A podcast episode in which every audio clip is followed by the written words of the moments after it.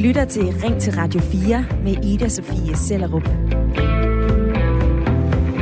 Hvor vi i dag skal tale om folkeskoler og privatskoler. Og jeg kaster spørgsmålet lige i hovedet på dig med det samme. Er det egoistisk, når forældre vælger en privatskole til deres unger i stedet for en folkeskole? Og hvorfor spørger jeg sådan? Det gør jeg, fordi at hver anden privatskole har en overvægt af elever fra familier fra den rigeste femtedel af befolkningen, mens hver anden folkeskole har en overvægt af børn fra den fattigste femtedel af befolkningen. Det er konklusionerne i en ny analyse fra Arbejderbevægelsens Erhvervsråd. De har kortlagt elevfordelingen på de ca. 1400 grundskoler ud fra forældrenes indkomst. Og tendensen, den er klar. Danske børn går langt mindre i skole med børn fra andre sociale lag end tidligere. Og det står altså værst til på de private skoler. Kun 22 procent af fri- og privatskolerne er blandede, mens det gælder for 29 procent af de offentlige folkeskoler. Og de her tal er raslet ned de seneste 10 år. Det går altså den gale vej. Og den her skævvridning har konsekvenser. For folkeskolen ender med at tage det tungeste læs, og de elever, som har det sværest eller har brug for mest hjælp. Og på den store klinge har vi så ikke godt af, helt fra barndommen, at blive en del af den smeltedile af sociale lag og kultur, som folkeskolen er. Det er vildt bekymrende, fordi vi risikerer at miste det, vi har haft i Danmark, nemlig en fælles skole for alle samfundslag, har Jakob Mark, SF's skoleordfører, tidligere sagt i forbindelse med debatten om folkeskoler vs. privatskoler. Og nu vil jeg gerne spørge dig, der lytter med. Er det egoistisk, at forældre vælger privatskoler til deres børn, og at folkeskolen ender med at stå med de tungeste elever? Det er dagens debat i Ring til Radio 4, og du kan gribe din telefon og ringe ind allerede nu 72 30 44 44, eller fortæl mig, hvad du mener i en besked. Send en sms til 1424. Husk at begynde den med R4. K. Jensen på øh, 39 år og med fra Svendborg. Du er øh, folkeskolelærer, du er passioneret i den her debat. Stempler man ud af fællesskabet, når man sender sine børn i en øh, privatskole og fravælger folkeskolen? Øh, nej, det synes jeg ikke, man gør. Jeg synes, øh, jeg synes absolut ikke, det er egoistisk. Jeg, jeg synes heller ikke, det er op til forældrene, at, at man ligesom kan skylde skylden på, om det nu er dem, der er egoistiske og tager et forkert valg. Øhm, jeg synes, det er højere op, vi skal kigge. Jeg synes, der er øh, øh, helt essentielle samfundsproblemer i forhold til, at vi bliver et mere opdelt Danmark. Øh, og det viser sig øh, nu i de her nye undersøgelser jo i skolen øh, meget eksemplarisk. Lars Landbo fra Skive og øh, 53 år. Du er også med i dagens lytterpanel. Er det egoistisk, at forældre vælger øh, privatskolen til deres børn, og at folkeskolen står med, med de elever, som har det sværere? Ja, jeg synes, det er ganske, ganske forfærdeligt. Jeg synes simpelthen ikke, at vi skal... Altså, hele, hele strukturen omkring folkeskolen er blevet udhulet igennem mange år, og lærerne har fået det sværere, og færre elever til... Altså, færre penge til eleverne høje klassekoefficienter, og så en masse mål, som skal indfries. Øh, det hele bliver så målbart. Og jeg tænker, vi, øh, vi mangler den der, det aspekt med det, øh, det sociale i at vide, jamen der er andre, som ikke er ligesom mig. Og det gælder sådan set både dem i privatskoler og i folkeskolerne. I kommer ind på, øh, at det her det er en del af noget, der er langt større, og det dykker vi også ned, af, ned i i løbet af den næste times tid. For øh, K. og Lars, i er med i dagens lytterpanel, og jeg vender tilbage til jer lige om lidt. Men jeg vil altså også godt prikke til øh, dig, kære lytter. Jeg er sikker på, at du også har en holdning til folkeskole, privatskole-debatten, som vi har i dag. Og hvorfor kan det være vigtigt at blande ungerne i skolen?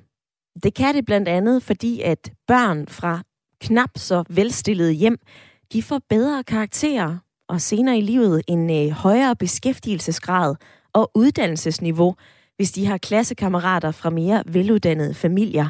Det har flere undersøgelser fra blandt andet Kraka vist. Og på den anden side, kan man så fortænke forældre, når de tager det her valg? Hvis de nu siger, nej, jeg er altså ikke tilfreds med folkeskolen i mit skoledistrikt. Jeg vil hellere sende mit barn på privatskole. Ifølge en undersøgelse fra Danmarks Statistik fra 2017, så begrunder næsten halvdelen af forældrene deres valg af en fri- eller privatskole med, at de ikke var tilfredse med den folkeskole, som de hørte til. Og i en anden undersøgelse fra Cepos fra samme år, der fortæller forældrene, at skolens kvalitet er den væsentligste årsag til, at de valgte fri- eller privatskolerne til og folkeskolen fra. Og hvorfor må man ikke vælge en bedre løsning til sit barn, hvis man har råd og hvis man kan? Vær med i dagens debat, uanset hvilken erfaring og holdning du har, og forhold dig til det her. Er det fair at vælge privatskolerne til, fordi man har ressourcerne til det? Eller stempler man ud af fællesskabet? Mister vi noget solidaritet ved, at flere børn går på en privatskole, mens at folkeskolen kan stå tilbage med de elever, der har det sværere? Ring ind på 72 30 44 44, eller send mig en sms med din mening. Skriv ind til 1424.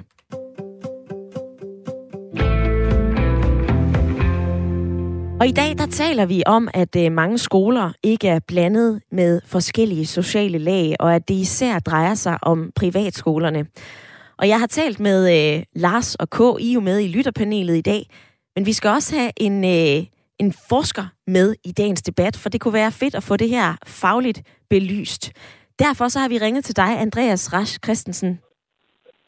Goddag forskningschef på VIA University College med speciale i folkeskolen. Hvis man er forældre og skal vælge, hvad taler så for at vælge en folkeskole? Jamen det, der taler for at vælge en folkeskole, det er jo, at det er en, det, man kalder en enhedsskole. Det er der, hvor forskellige børn øh, møder hinanden fra forskellige sociale lag med forskellige baggrunde. Øh, så, så det er noget af det, der er folkeskolens grund-DNA, at man simpelthen har nogle øh, forskellige møder med nogle, med nogle andre børn, end dem, man måske øh, ellers mødes med. Og, og det er noget af det, som man kan sige udgør skolens øh, fællesskab, at man også man lærer noget andet, når man er sammen med nogle andre, der kan noget andet end en selv, og, og kommer fra andre baggrunde end en selv. Og hvad taler så for at vælge en privatskole?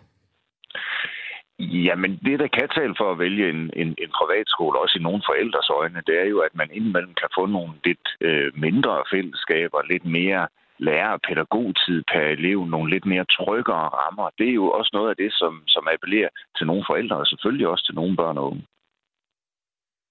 Og hvordan ser en perfekt blandet skole eller klasse ud i forskningens øjne?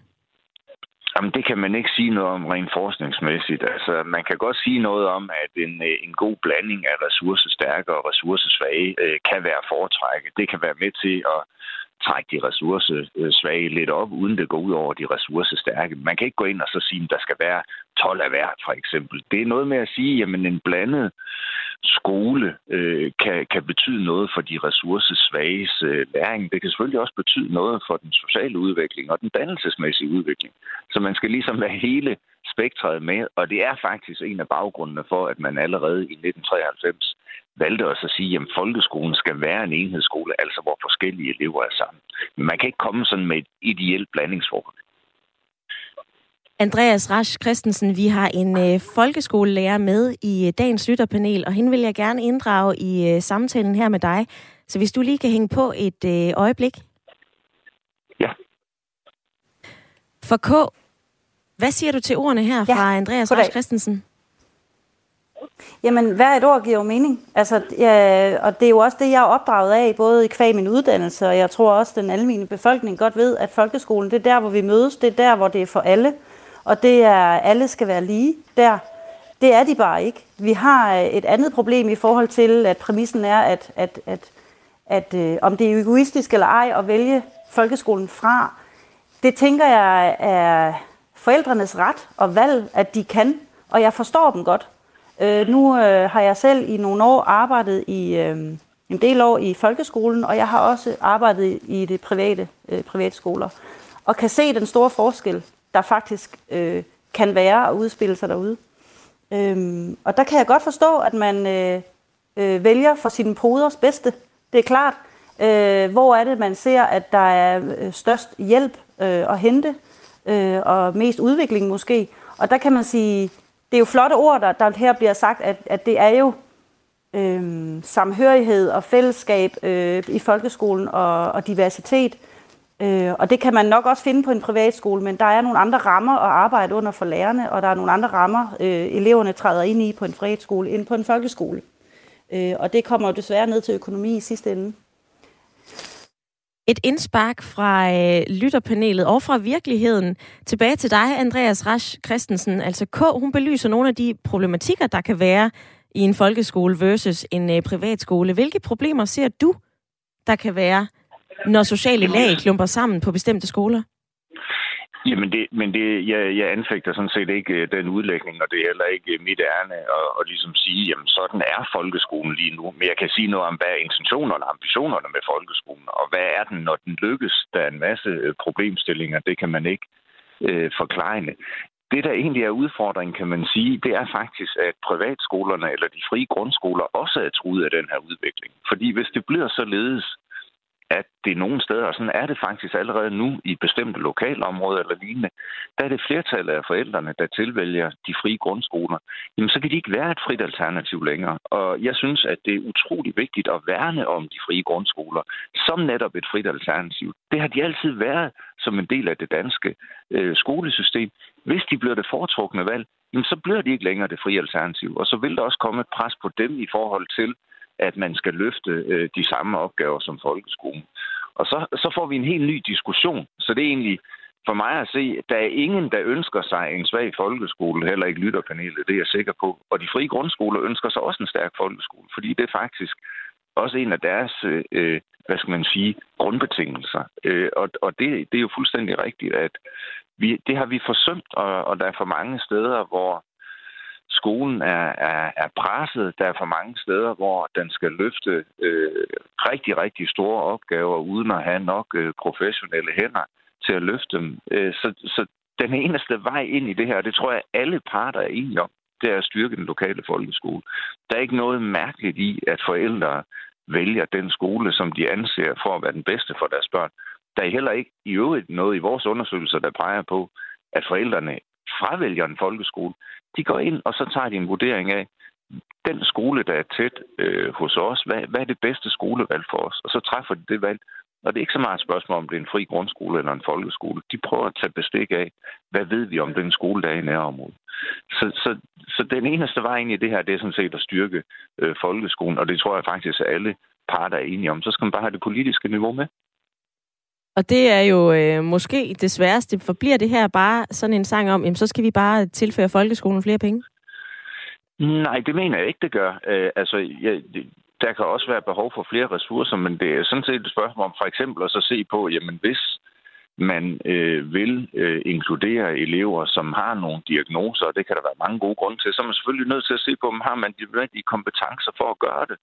Øh, det er også nødvendigt selvfølgelig at se på, jamen er der steder, hvor, hvor klasserne simpelthen er fyldt for meget op. Hvis man står en lærer med hovedansvaret for 28 elever, og tre af dem har diagnoser, så uanset hvor dygtigt du er uddannet, så er det en meget, meget vanskelig opgave at løse alene. Så nogle gange er det et spørgsmål om ressourcer, men det er måske mest alt et spørgsmål om at bruge ressourcerne rigtigt. Hvad er det, vi bruger dem til? Hvor vil vi gå ind og satse? Det kan være forskelligt fra folkeskole til folkeskole. Har man en skole, hvor man vil inkludere elever med autisme, jamen så siger det sig selv, så er man nødt til at have nogen lærer eller pædagoger, som har øh, en formel uddannelse. Har man en skole med en høj koncentration af tosprogede elever, jamen så er du nødt til at have lærer øh, og pædagoger med formelle kompetencer i at undervise tosproget. Så det er mest alt et spørgsmål om at bruge ressourcerne målrettet og rigtigt. Andreas Rasch Christensen, forskningschef på VIA University College med speciale i folkeskolen. Tak for at gøre os klogere i dag. Selv tak. God fornøjelse. Hvilke tanker sætter det her gang i hos dig? Er du enig i det, du lige har hørt? Eller sidder du og banker i bordet og er uenig? Kom lige med i dagens debat. Er det egoistisk, at forældre vælger privatskoler til deres børn, og at folkeskolen kan stå med de tunge elever? Eller er det helt fair at vælge en øh, lidt dyrere og måske bedre løsning, fordi man kan eller har råd? Det er hovedspørgsmålet i dag, men jeg inviterer dig også med i dagens debat, hvis du har holdninger til det, du lige har hørt. Altså, skal vi også se på, hvordan vi bruger ressourcerne i folkeskolen? Vi har vel alle sammen en interesse i, at den også fungerer. Byd ind med din erfaring og din mening. Ring ind på 72 30 44 44, eller send mig en sms. Skriv ind til 14 24. Og Tina, hun skriver på sms'en, jeg tænker, det er helt naturligt, at forældre vil det bedste for deres børn, i stedet for at pege fingre af de forældre, der vælger den bedste skole for deres barn, så bør der peges fingre af de politikere, der har syltet folkeskoler i årtier. Lars i øh, lytterpanelet, hvad er din reaktion på øh, ordene her fra Andreas Rasch Christensen? Jeg synes, det var fuldstændig vanvittigt godt formuleret. Øh, jeg er helt enig. Øh, den ting, jeg synes, det kunne være sjovt at undersøge, det er faktisk også, som han er inde på, hvad er det, vi bruger pengene på? Og det var også det, vi snakkede om i går også. Stod. Altså, hvis en, en folkeskoleelev skal koste x antal kroner om året, hvad bliver de penge så brugt på? Går de på bygninger? Går de på, hvad ved jeg? Er der så elever, der har ekstra behov? Jamen, går det så fra det rådighedsbeløb, som fælleskassen skal betale? Eller får man tilført ekstra? Og jeg er fuldstændig sikker på, at hvis vi fik øh, sagt, at en elev i den danske folkeskole koster, nu slynger jeg bare tal ud, 60.000 kroner, så skal de 60.000 kroner bruges om året på den elevs undervisning. Mm-hmm. De skal ikke bruges på en skole, de skal ikke bruges på en og så videre, så videre. De skal bruges på elevens undervisning. Har eleven yderligere behov, jamen så må der tilføres behov, øh, altså i, i form af, af øget kapital. Og øh, det kan jeg huske i min tid, da jeg, da jeg var i skolebestyrelsen. Jamen, der var enormt stor forskel på, hvad en elev faktuelt kostede. Også alt efter, hvad skole vedkommende gik på. Og det er på et eller andet måde, synes jeg, unfair. Fordi det betyder også, at folkeskolen i de steder, hvor der måske er tæt befolket, jamen der bliver proppet flere ind, og eleven får dermed faktisk også færre undervisningstimer. På trods af, at de egentlig burde have akkurat det samme som alle mulige andre. Jeg synes da simpelthen, man kunne dele det op og så sige, jamen undervisning, det skal afholdes sådan og sådan og sådan. Og så alle de andre opgaver, jamen, det må løses på en anden måde end en anden pengekasse, eller hvad man nu skal sige. Så jeg synes, Andreas han var fuldstændig skarp, hvis han sagde det. Og, de her og det var, to... undskyld, jeg lige bryder ind igen. K, hun sagde det jo også. Altså i bund og grund, så kommer det jo tilbage på økonomi. Hvordan bruger vi pengene? Det er jo øh, ofte en samtale om økonomi, også når vi taler om folkeskoler og privatskoler. Og øh, K, jeg vender lige tilbage til dig lige om lidt. Men først, der skal vi øh, til Sindal i Nordjylland, for jeg kan sige velkommen til dig, Eva. Hej. Er det fair at vælge en øh, privatskole til og en folkeskole fra, hvis man som forældre kan og har pengene? Det var en holdning, jeg havde sidste år i forhold til, det synes jeg, det var fair. Øh, hvor jeg har haft begge mine børn på friskole men øh, konverteret til folkeskole her i begyndelsen af det her skoleår. Så øh, ja, jeg har ændret holdningen i forhold til, at jeg synes, at det er at melde sig ud af fællesskabet. Hvorfor er det det? Jamen, øh, jeg valgte jo friskole til i forhold til, at jeg tænkte, at det var det, var det bedste fundament for mine børn. Øh, at der måtte være rummelighed og faglighed og tid til børnene osv. Jeg har så en dreng, som var lidt udfordret, og hvilket jeg også gjorde opmærksom på fra første klasse af, øh, hvor det ikke rigtig som det taget seriøst, kan man sige. Det endte jo så i et brag her i det nye skoleår i forhold til, at jeg fik en opringning, hvor han så var startet i 3. klasse. Øh, en uge inde i det nye skoleår, at øh, fra dagen efter havde jeg ikke et skoletilbud til min dreng. Og så blev jeg sådan set sat på gaden med ham. Okay. Øh, og så søgte jeg jo så til distriktsskolen, folkeskolen, hvor min holdning nok var, at det faglige niveau måske heller ikke var så højt. Men jeg må sige, det er godt nok nogle kompetente mennesker, jeg har mødt deroppe, som har grebet min dreng og fået ham bygget op igen. Plus, at så rykkede jeg min datter med fra friskolen på folkeskolen, hvor jeg også bare synes, det faglige niveau var meget højere på folkeskolen, end jeg nogensinde havde forventet. Så ja, jeg har ændret holdning. Jeg synes, at det er at melde sig ud af fællesskabet. At det er folkeskolen, der skal ende med alle de her børn, som måske ikke lige kører ud af den lige linje. Det synes jeg ikke er fair. Så igen, der skal der proppes nogle flere, flere penge i folkeskolen, hvis det er, at de skal rumme de her, ja, knap så lige børn. Eva, tak for din øh, tid, og fordi at du deler din erfaring med os her i radioen. Det her perspektiv, det vil jeg tale med øh, K om i lytterpanelet. Ha' en rigtig god dag. Tak for det lige måde. K, Eva, hun øh, har gode ja. erfaringer med folkeskolen, selvom at hun egentlig mm. begyndte med et øh, privatskolevalg. Hvad siger du til ordene her? Mm. Jamen, jeg synes, det er, er rammende at høre, og det er, da, det, det er da rigtig godt, at lige i det tilfælde, der, der var det et godt skifte. Og det er det jo heldigvis for mange. Altså, jeg synes ikke, man på den måde kan ligestille øh, private skoler og folkeskoler om, i forhold til det faglige niveau. Der synes jeg, vi lige skal finde ud af, hvad det er, vi taler om, fordi øh, faglige niveau er, omhandler også tit, hvad det er for nogle rammer, lærerne og eleverne bliver sat i.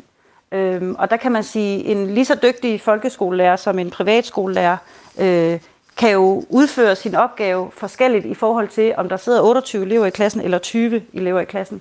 Øh, og kan også udføre den i forhold til, hvor mange diagnoser, der sidder i klassen, og hvor mange, øh, som, som det var din ord, synes jeg, lige børn, der sidder. Øhm, så det, for mig kommer det igen ned på økonomi, hvor mange propper vi ind i klassen i folkeskolen, kvæg eller kontra privatskoler, og hvilke rammer får lærerne at arbejde under. Fordi nok den dygtigste lærer, det sagde professoren også før, øh, kan jo have svært ved at rumme en klasse på 28, hvis de øh, fem eller otte af dem har en eller anden form for diagnose, hvilket faktisk er min øh, overbevisning og min virkelighed, jeg synes, jeg selv sidder i, at, øh, at der er enormt stor forskel på klasser og hvordan de er sat sammen, hvor mange der er, og hvilke udfordringer de har. Og øh, når jeg kigger til privatskolerne, så har de jo mulighed og andre rammer for at sammensætte klasser på andre måder, og, øh, og mindre klassekoefficient, altså hvor mange der er i klassen. Så, øh, så det er dejligt at høre, at der var et godt skifte der øh, for den her lytter, der ringede ind. Øhm, det er bare ikke i alle tilfælde, at de lige er sådan. Og jeg synes, det er smukt at sige, at, at det er at tale sammen med, altså, at man går ind i et fællesskab, når man vælger, vælger folkeskolen. Men jeg forstår samtidig stadig godt forældre, der ikke gør det. Fordi der er så stor forskel nu øh, i dagens Danmark på privatskoler og folkeskoler. Og K, lige og det er, til jeg er det... enig med professoren.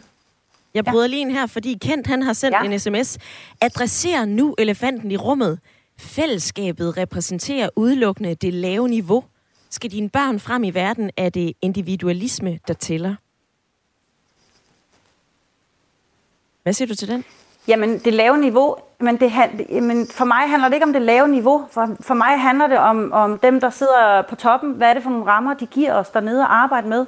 Og, øh, og vi har et højt niveau i folkeskolen. Kæmpe højt niveau. Meget dygtige lærere. Det er ikke det, det handler om. Øh, nu har jeg alligevel arbejdet en del år ude i folkeskolen, og, øh, og kan se, at det er de rammer, vi får at arbejde med. Og de rammer bliver altså givet oppefra. Øh, så så øh, jeg, jeg er nødt til at sige igen, det er, vi har talt om økonomi, og det er det, vi er nødt til at tale om. Vi er nødt til at tale om de ressourcer, der bliver tilført, og hvordan de bliver brugt. Fordi jeg oplever faktisk, at der bliver tilført store ressourcer til folkeskolen. I hvert fald i den kommune, jeg er i. Problemet er måske, om de er store nok. Og, og, og, og det, er jo et helt, altså det er jo et stort problem, vi egentlig ser ind imod. Hvem er det, der kan vælge privatskolerne? Det er jo ikke de børn, vi sidder med, og de familier. De har jo ikke det frie valg. De kan jo ikke bare sige 1.500 kroner om måneden per barn i en privatskole. Så der er jo en, øh, der er en ulighed i Danmark, som vi skal tale om, og det mener jeg elefanten i rummet. Og den er vi øh, ved at tale om nu. Det er jo ikke en samtale, hvor vi finder en løsning i løbet af en, øh, en times tid. Men øh, K, for lige at supplere til det, du siger, så, øh, så koster det omkring 1000 kroner om måneden at have sit barn gående på en øh, privatskole på landet, mens det i storbyerne varierer fra 1000 kroner til 2000 kroner om måneden. Det er jo også vigtigt lige at få plads i sådan en debat, som vi har i dag.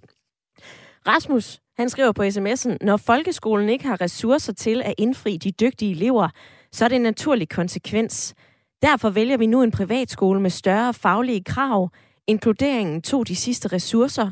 Problemet er desværre politisk udsultning af folkeskolen.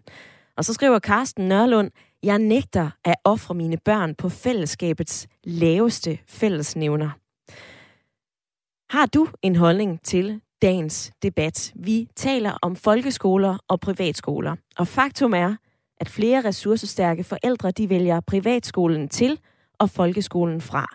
Sat på spidsen betyder det, at rige børn møder rige børn i privatskolen, mens at folkeskolen kan stå tilbage med nogle af de elever, som har det sværere, og forældre, der ikke har pengene til at sætte deres børn på en privatskole. Er det egoistisk og er det at stemple ud af det fællesskab, vi har over for hinanden? Eller er det helt fair, at man som forældre vælger den lidt dyrere og måske bedre løsning, fordi man kan og har råd? Uanset hvor du står i dagens debat, så ring ind eller send mig en sms. Du lytter til Ring til Radio 4 med Ida Sofie Sellerup. Hvor vi i dag har sat fod i debatten om privatskoler og folkeskoler. For danske børn går i langt mindre grad i skole med børn fra andre sociale lag end tidligere, og værst står det til på de private skoler. Kun 22 procent af fri- og privatskolerne er blandede, mens det gælder for 29 procent af de offentlige folkeskoler. Og det er bestemt ikke godt, fortæller Lars Andersen, direktør i Arbejderbevægelsens Erhvervsråd, der står bag den nye analyse. Problemet er, at det i høj grad er rige og ressourcestærke forældre, der vælger de private skoler til, mens børn fra de lavere indkomstgrupper i højere grad går over på folkeskolerne. Det tror den sammenhængskraft, som er en af de vigtigste piller i vores velfærdssamfund, og det efterlader i høj grad børn af mindre ressourcestærke forældre på perronen, skriver han i Berlingske. Og ham taler jeg med lidt senere i programmet. Men taber vi stort, når forældre lader deres børn gå i en privatskole frem for en folkeskole? Er det egoistisk at tage det her valg? Eller er det helt fair? For kan vi fortænke forældre i, at de vælger en skole, som de synes er bedre for deres barn, og hvis de har pengene til det? Vær lige med i dagens debat, uanset hvor du står og hvilken holdning og erfaring du har. Ring ind på 72 30 44 44, eller send mig en sms. Skriv ind til 1424. Husk at begynde din besked med R4. Merisa Dagbjerg, hun skriver på sms'en, mine forældre sendte min søster og mig på privatskole, og de var altså ikke rige, men de prioriterede det, blandt andet fordi de på privatskolen kunne engagere sig. Så det var altså ikke fordi de var rige eller asociale, og derudover så var vi en blandet flok fra forskellige sociale lag og kulturer, så ikke så meget anderledes end folkeskolen. Og så øh, er der en anden lytter, der skriver, hurra for privatskoler. Det er på ingen måde egoistisk at vælge privatskoler, og det er heller ikke et økonomisk spørgsmål. Det er et spørgsmål om prioritering, og det er en fjollet snak, når man melder sig, at man melder sig ud af det sociale samfund, blot fordi man vælger en friskole eller en privatskole. Det er pinligt, når diverse socialistiske ministre også fravælger folkeskolen. Lars i lytterpanelet, er det en øh, fjollet snak, at man melder sig ud af det sociale samfund, bare fordi, at man vælger en privatskole? Jamen, jeg synes, der var, der var en, der lige havde sendt et øh, læsebrev ind med at ofre sine børn. Jamen, det, det provokerer mig så dybt og endeligt, når folk de skriver sådan noget. Fordi det vil jo så sige, at alle dem, der sender deres børn i folkeskolen, de offrer deres børn. Det, det synes jeg er lidt en kedelig tendens. Øhm, nej, vi skal, vi skal lære hinanden, at vi skal ikke være et A- og B-hold. Vi skal lære hinandens øh, evner. Dem, der er stærke, må også gerne være med til at, at gøre dem, der er knap så stærke, stærkere. Og så kan man sige, at øh, det er nødt til at vende tilbage til os, det her med, hvad er det for nogle krav, vi sætter til vores børn? det, skal det kun være de målbare på karaktererne? Eller skal det også være, jamen, øh, hvor mange med anden etnisk baggrund går der i din klasse? Hvor mange med et handicap går i din klasse? Og nu hørte vi lige i nyhederne, at øh, der kommer nogle elever ned fra Ukraine. Ryger de på privatskole, eller ryger de på folkeskole? Hvem skal, hvem skal bære den? Hvem skal løfte den? Jeg tror, det bliver folkeskolen, og jeg håber også, det bliver folkeskolen. Og så håber jeg selvfølgelig, som det også har nævnt, at politikerne siger, jamen det skal ikke være en del af det normale budget. Der kommer en ekstra bevilling, der følger med børnene. Vi skal passe på de her børn. Det er vores øh, fremtid. Altså det, vi skal investere alt, hvad vi overhovedet kan i de børn. Det vil sige, at det er heller investeret 18 milliarder i børnene i, i forsvarsvåben. Men det er sådan en helt anden snak. Det er en helt anden snak, ja, Lars. Jeg vil gerne forholde dig til øh, det, du sagde lidt tidligere, netop at, at det er de bredeste skuldre og det største ansvar, og at, og at eleverne de kan være med til at løfte hinanden. Ender vi ikke med at stikke vingerne på de gode elever, hvis vi gerne vil løfte bunden i sådan en folkeskoleklasse? Nej, for historisk set, der kan man sige, at Danmark vi klarer os fantastisk fremragende i forhold til rigtig, rigtig mange andre lande. Og vi har historisk set øh, haft et øh, samfund, hvor de stærke har været i en situation, hvor de har kunnet og ville hjælpe dem, som ikke havde evnerne, dem, som ikke havde styrkene, dem, som ikke lige præcis kunne det, som var, var, var målbart godt. Øh, og det er vi på vej væk fra nu, og, og, og det er den tendens, man ser i, uden yderligere sammenligning med et land som England eller USA. Og det bliver bare alt, alt for meget A- og B-hold. Og der har lige været en, en, en rigtig rig mand i Danmark, der har sagt, at det her forskel i samfundet, det er ikke til det bedste, at øh, de bliver for store. Vi er ikke ens. Vi er ikke lige. Vi bliver, aldrig, vi bliver det heller aldrig. Men der er den ingen grund til, at vi dyrker øh, forskelligheden, så vi bliver fremmed for hinanden. Tværtimod. En øh, kort bemærkning fra dig i lytterpanelet, Lars K. er også med, og I er begge to med frem til klokken 10. Vi skal også have Daniel fra Amager med i øh, debatten nu. Velkommen til. Jo, tak. Er det egoistisk eller fair, når øh, man som forældre vælger privatskolen til og folkeskolen fra? Det synes jeg ikke, det er på nogle punkter. Øh, folk de må gøre, hvad de vil med deres øh, børn, fordi jeg har selv gået i, øh, i øh, privatskolen og, og den offentlige øh, folkeskole, og begge steder var undervisningen lige ringe. Ja. Øh, mine forældre fandt ud af, da vi var i øh, Sydafrika på et tidspunkt, hvor vi skulle have noget privatundervisning, at øh, det var i 4. klasse, at øh, min bror og jeg, vi kunne simpelthen hverken stave, læse, regne eller noget som helst. Og da de øh, så konfronterede skolen med det, så var svaret, at øh, det vil jo sådan set først øh, begynde at hænge med eleverne i 8. klasse, og det er jo for sent. Så, så vi blev hævet ud af skolen og røg den offentlige øh, folkeskole, og der var undervisningen endnu ringere. Øh, så det endte med, at øh, jeg fik en privatunderviser i øh, 9. klasse, der fik mig fra et 6 til et 10 på afgangseksamen på øh, lige godt et halvt år. Og det, det er simpelthen måden, øh, hvordan du fanger eleverne på, hvordan underviser du på. Hvis det bare er slave-tilstanden, øh, øh, øh, den samme dur hver dag, så bliver det kedeligt, og så fanger du eleverne. Øh, han gjorde en matematik og fysik og, og skrivning meget spændende for mig på under et halvt år. Så, så det, det har simpelthen noget at gøre med undervisningen, øh, og hvad, hvad, hvad, ja, hvad midler er der til det, ikke? Her betalte mine forældre så en privatunderviser for det, øh, ud af deres egen lomme, for at jeg kunne lære det. Og det sjove var bare, at øh, en af eleverne, han også havde, det var rektors egen søn. For han kunne heller ikke få undervisning igennem, og det synes jeg er pinligt. Daniel, tak fordi du deler din erfaring på både øh, folkeskoler og privatskoler. Jeg har, en, øh, jeg har et øh, citat til dig, et argument i debatten, jeg gerne vil forholde dig til. Det kommer fra Lars Olsen, forfatter til bogen Rige børn leger bedst. Han siger, folkeskolen er den vigtigste kulturbærende institution i samfundet, så det er mildest talt bekymrende med den her tendens. Det er vigtigt at holde fast i, at målet med folkeskolen, den blev oprettet i begyndelsen af 1900-tallet, var at samle forskellige grupper i samfundet. For Socialdemokratiet så er det vigtigt af klassemæssige årsager, og for Venstre så er det vigtigt af grundvianske årsager, at fælles dannelse skaber et folk. Er det tog kørt, ifølge dig? Mm, både og. Altså, øh, vi har jo udviklet os på flere punkter, øh, end fra, fra da skolen kom frem tilbage i 1900-tallet. Øh, der er kommet flere ting på, på bordet, hvad, hvad, hvad, man skal, hvad man skal kunne og undervises i. Øh, så, så ja, rige børn leger bedst. Øh, ja, det, det kan jeg jo godt øh, lægge genkendende til. Skal vi bare lade det ske? Jamen, øh, det er jo op til folk selv. Øh, der er jo frit skolevalg øh, i Danmark. Hvis folk de mener, at de skal i privatskole, så skal de i privatskole. Hvis de skal i den offentlige, jamen, så er det jo heldigt, at der er den offentlige, hvis du ikke har penge til en privatskole. Så der er, ud, ud, der er undervisningsmuligheder for, at du kan få en, øh, en uddannelse i det her, i det her land.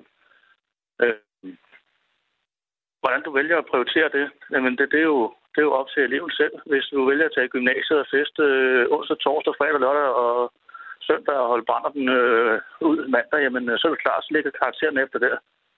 Det er noget, min lillebror kan lægge genkende til, da han gik i gymnasiet. Øh, øh, han, han, han var i gymnasiet og gik ud derfra, så gik han ind i militæret. Øh, fordi han kunne stort set ikke bruge de karakterer til noget, som han havde fået i gymnasiet, fordi der ikke var noget seriøs undervisning. Øh, det var simpelthen druk, druk, druk, druk, druk. Hele og det er jo så en. Øh, en helt anden debat om, øh, om både druk og uddannelsesinstitutioner. Det er en, det er en helt anden, det er en helt Daniel, anden tak for dit indspark i dagens debat. Men det er helt i orden. Og som Daniel han nævner, så er der jo øh, undervisningspligt i Danmark 10 år, men der er altså ingen skolepligt. Og det betyder, at forældre de kan vælge en øh, anden løsning, hvis ikke de ønsker, at deres børn skal gå i en folkeskole. De kan også vælge en øh, fri grundskole, som man også kalder friskoler, privatskoler. De kan også vælge en efterskole, når det handler om de ældste klasser. Og så er der også en øh, ungdomsskole, og så er der selvfølgelig også hjemmeundervisning. I dag der taler vi om folkeskoler og privatskoler. Og jeg spørger dig, om det er egoistisk, når forældre de vælger privatskolen til og folkeskolen fra. Er det at stemple ud af det fællesskab, vi har over for hinanden? Er folkeskolen den her kulturbærende institution i samfundet? Eller er det helt fair, at man øh, vælger en dyrere løsning, måske en bedre løsning, fordi man har penge, og man synes, hey, mit barn skal helst skal have den bedst mulige uddannelse. Uanset hvor du står i dagens debat, så vær med på 72 30 44 44, eller send mig en sms. Skriv ind til 14 24.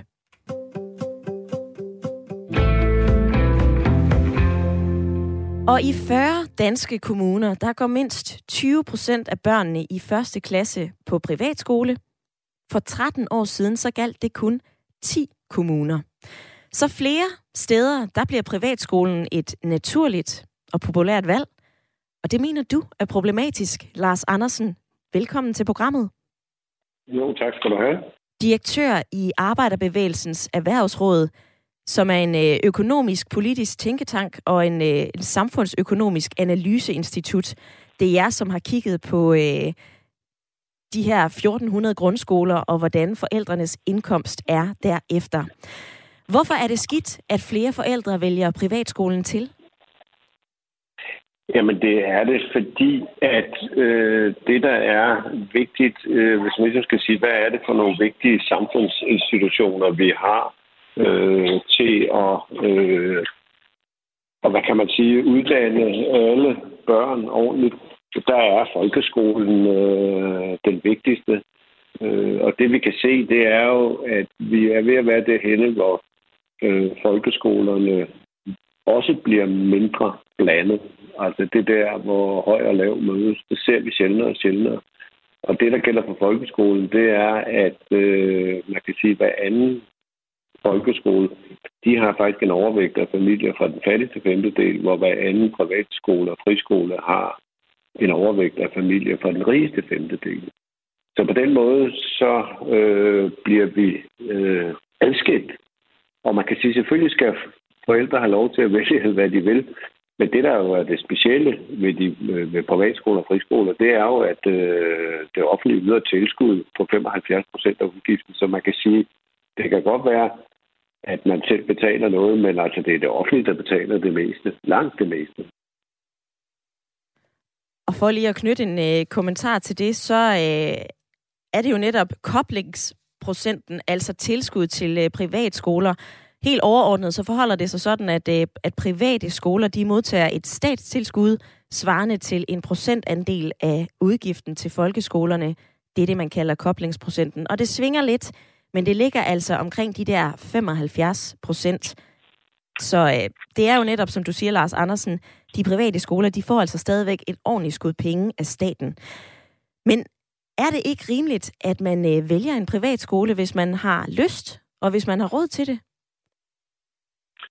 Jo, altså jeg vil jo sådan set ikke blande mig i, hvad folk vælger, men her vælger de jo sådan set øh, for andres penge. Altså, hvis privatskoler var privat finansieret, så må folk, folk må selv bestemme, hvad de vil bruge deres penge til. Men her, der bruger vi altså en masse offentlige tilskud på, at de øh, mest velstillede kan sende deres børn i privatskole.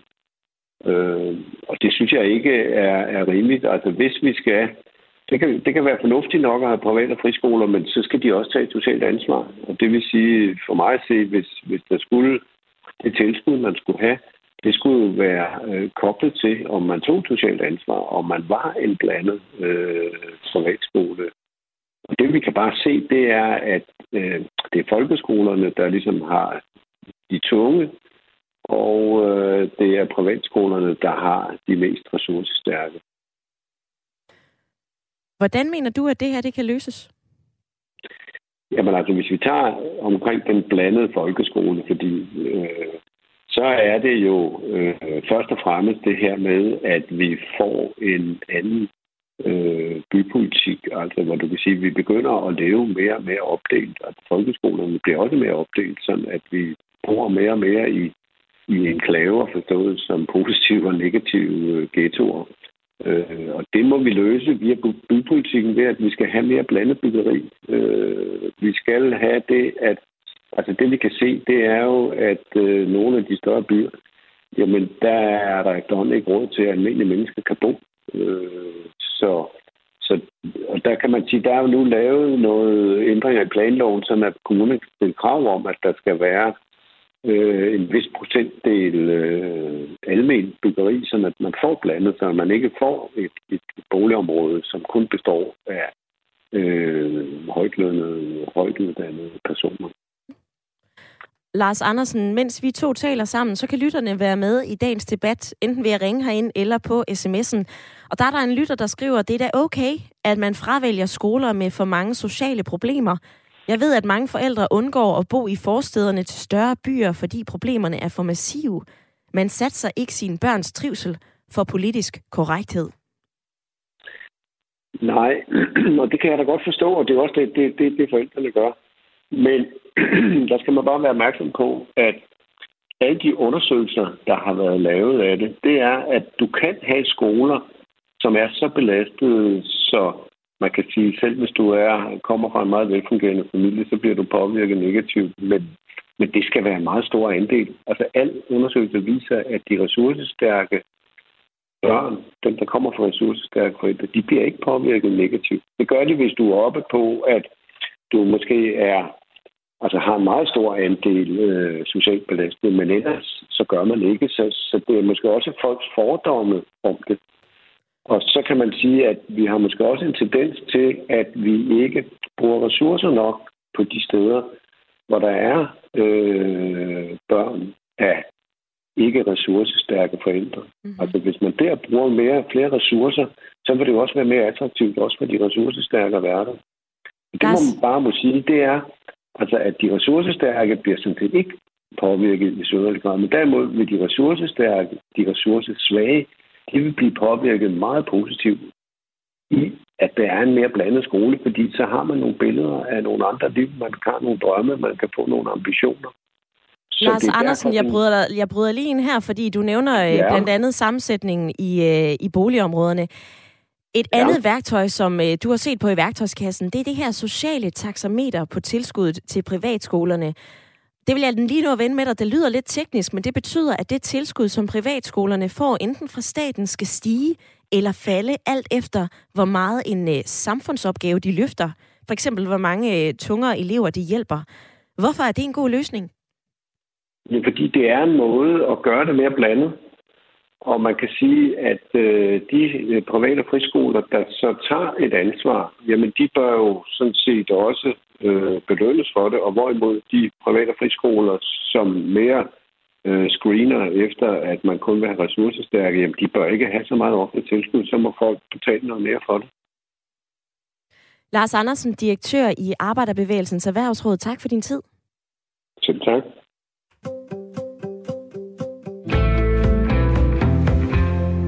72 30 44 44 eller en øh, uh, sms til 1424 er den måde, du kan være med i dagens debat. K i lytterpanelet, hvad siger du til uh, det her forslag om et uh, socialt taxameter? Jamen, øh, øh, i bund og grund er, det, er, er gode forslag som de her jo velkomne i den her debat, fordi vi mangler noget regulering, helt klart. Men jeg vil godt øh, lede opmærksomheden også på den forrige, der var igennem i forhold til det her, hvad er det for en folkeskole, vi egentlig har haft siden, øh, nu nævnte I noget om Grundtvig og noget, altså hvor lang tid tilbage har vi egentlig haft de her folkeskoler. Og vi har jo i Danmark haft en lang tradition omkring en stærk folkeskole, hvor der var øh, lighed og frihed til at være den, man nu var, og man kunne få den hjælp. Der har bare igennem mange, mange år nu, øh, det blev også nævnt tidligere, blevet syltet ude på folkeskolerne i forhold til de ressourcer og hvordan det ligesom skulle køre derude. Vi kan også se herude på øh, det, der så flot hedder Udkants Danmark, hvordan der igennem overvis er blevet lukket kommuneskoler, altså kommunalskoler, og til, til fordel for, at der så er poppet flere friskoler op, fordi man ude lokalt rigtig gerne vil have et nært skoletilbud. Der, øh, der kan jeg se igennem mange år nu, der er blevet samlet til håbe til meget store skoler i byerne, i stedet for, at der var flere kommunalskoler ude omkring, som nu friskolerne popper op. Så det er fra politisk hold øh, helt klart også der, vi skal finde nogle løsninger. Hvorfor er det, at der ikke kan være små folkeskoler derude? Jeg tænker igen, økonomi, det er ikke rentabelt. Man lukker dem Så er der en friskole, der står klar og laver en mindre skole, og så får de søgning. Det, det burde egentlig ikke være så svært fra politisk hold. Og så synes jeg også, at jeg vil nå at, at sparke ind. Vi har jo desværre også en form for elitær, øh, et elitært syn på, på, på det at gå i skole efterhånden. Man skal helst være den bedste, man skal helst gå med de bedste, man skal helst være en del af eliten. Det kan vi bare ikke alle sammen være, og dermed mister vi jo den her lange, gode danske tradition om en lige folkeskole for alle.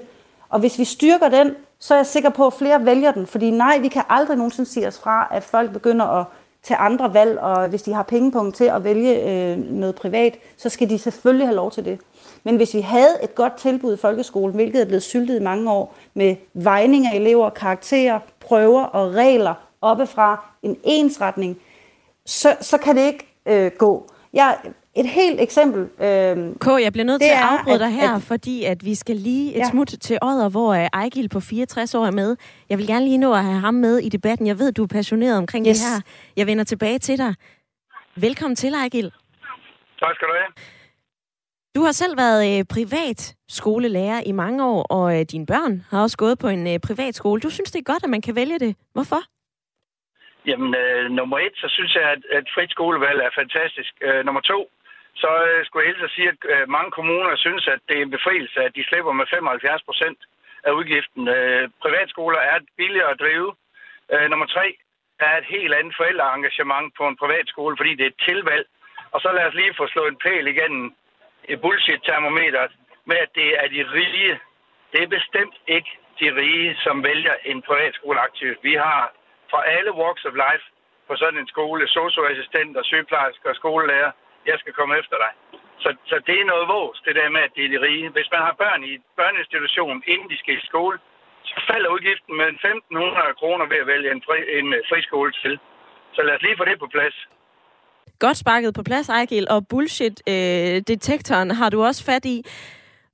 Er det ikke egoistisk, at man melder sig ud af, af fællesskabet, som der kan være i en folkeskole, når man vælger en privatskole? Nej, det synes jeg ikke. Det er. Jeg synes, det er fantastisk, man kan tage et valg. Øh, der er nogle forældre, som ikke interesserer sig for øh, skolen, og de kan lade deres børn gå i en folkeskole. Der er også masser af engagerede forældre i folkeskolerne. Men deres rammer er håbløse. Vi har en skole, som blev bygget for fem år siden i år. De har endnu ikke holdt en skolefest. De kommer ikke på lejrskole. De har ikke været på hyttetur. Det er jo ikke så sært, at lærerne de går og kigger ned i jorden, hvor man på en privatskole selv kan bestemme, hvordan man vil bruge sin tid og sine penge. Inden for lovens rammer selvfølgelig. Så derfor har du nogle meget mere engagerede lærere, forældre, og i mange tilfælde heldigvis også elever. Ejgil, tak for dit indspark fra Odder. Nu skal vi faktisk til, øh, til Odder igen og tale med øh, Tina, som er med på en øh, telefon. Hej med dig, Tina. Ja, hej. Du har også valgt en privat skole til din søn, men du er egentlig stor fortaler for øh, folkeskolen. Hvorfor har du så ikke valgt den?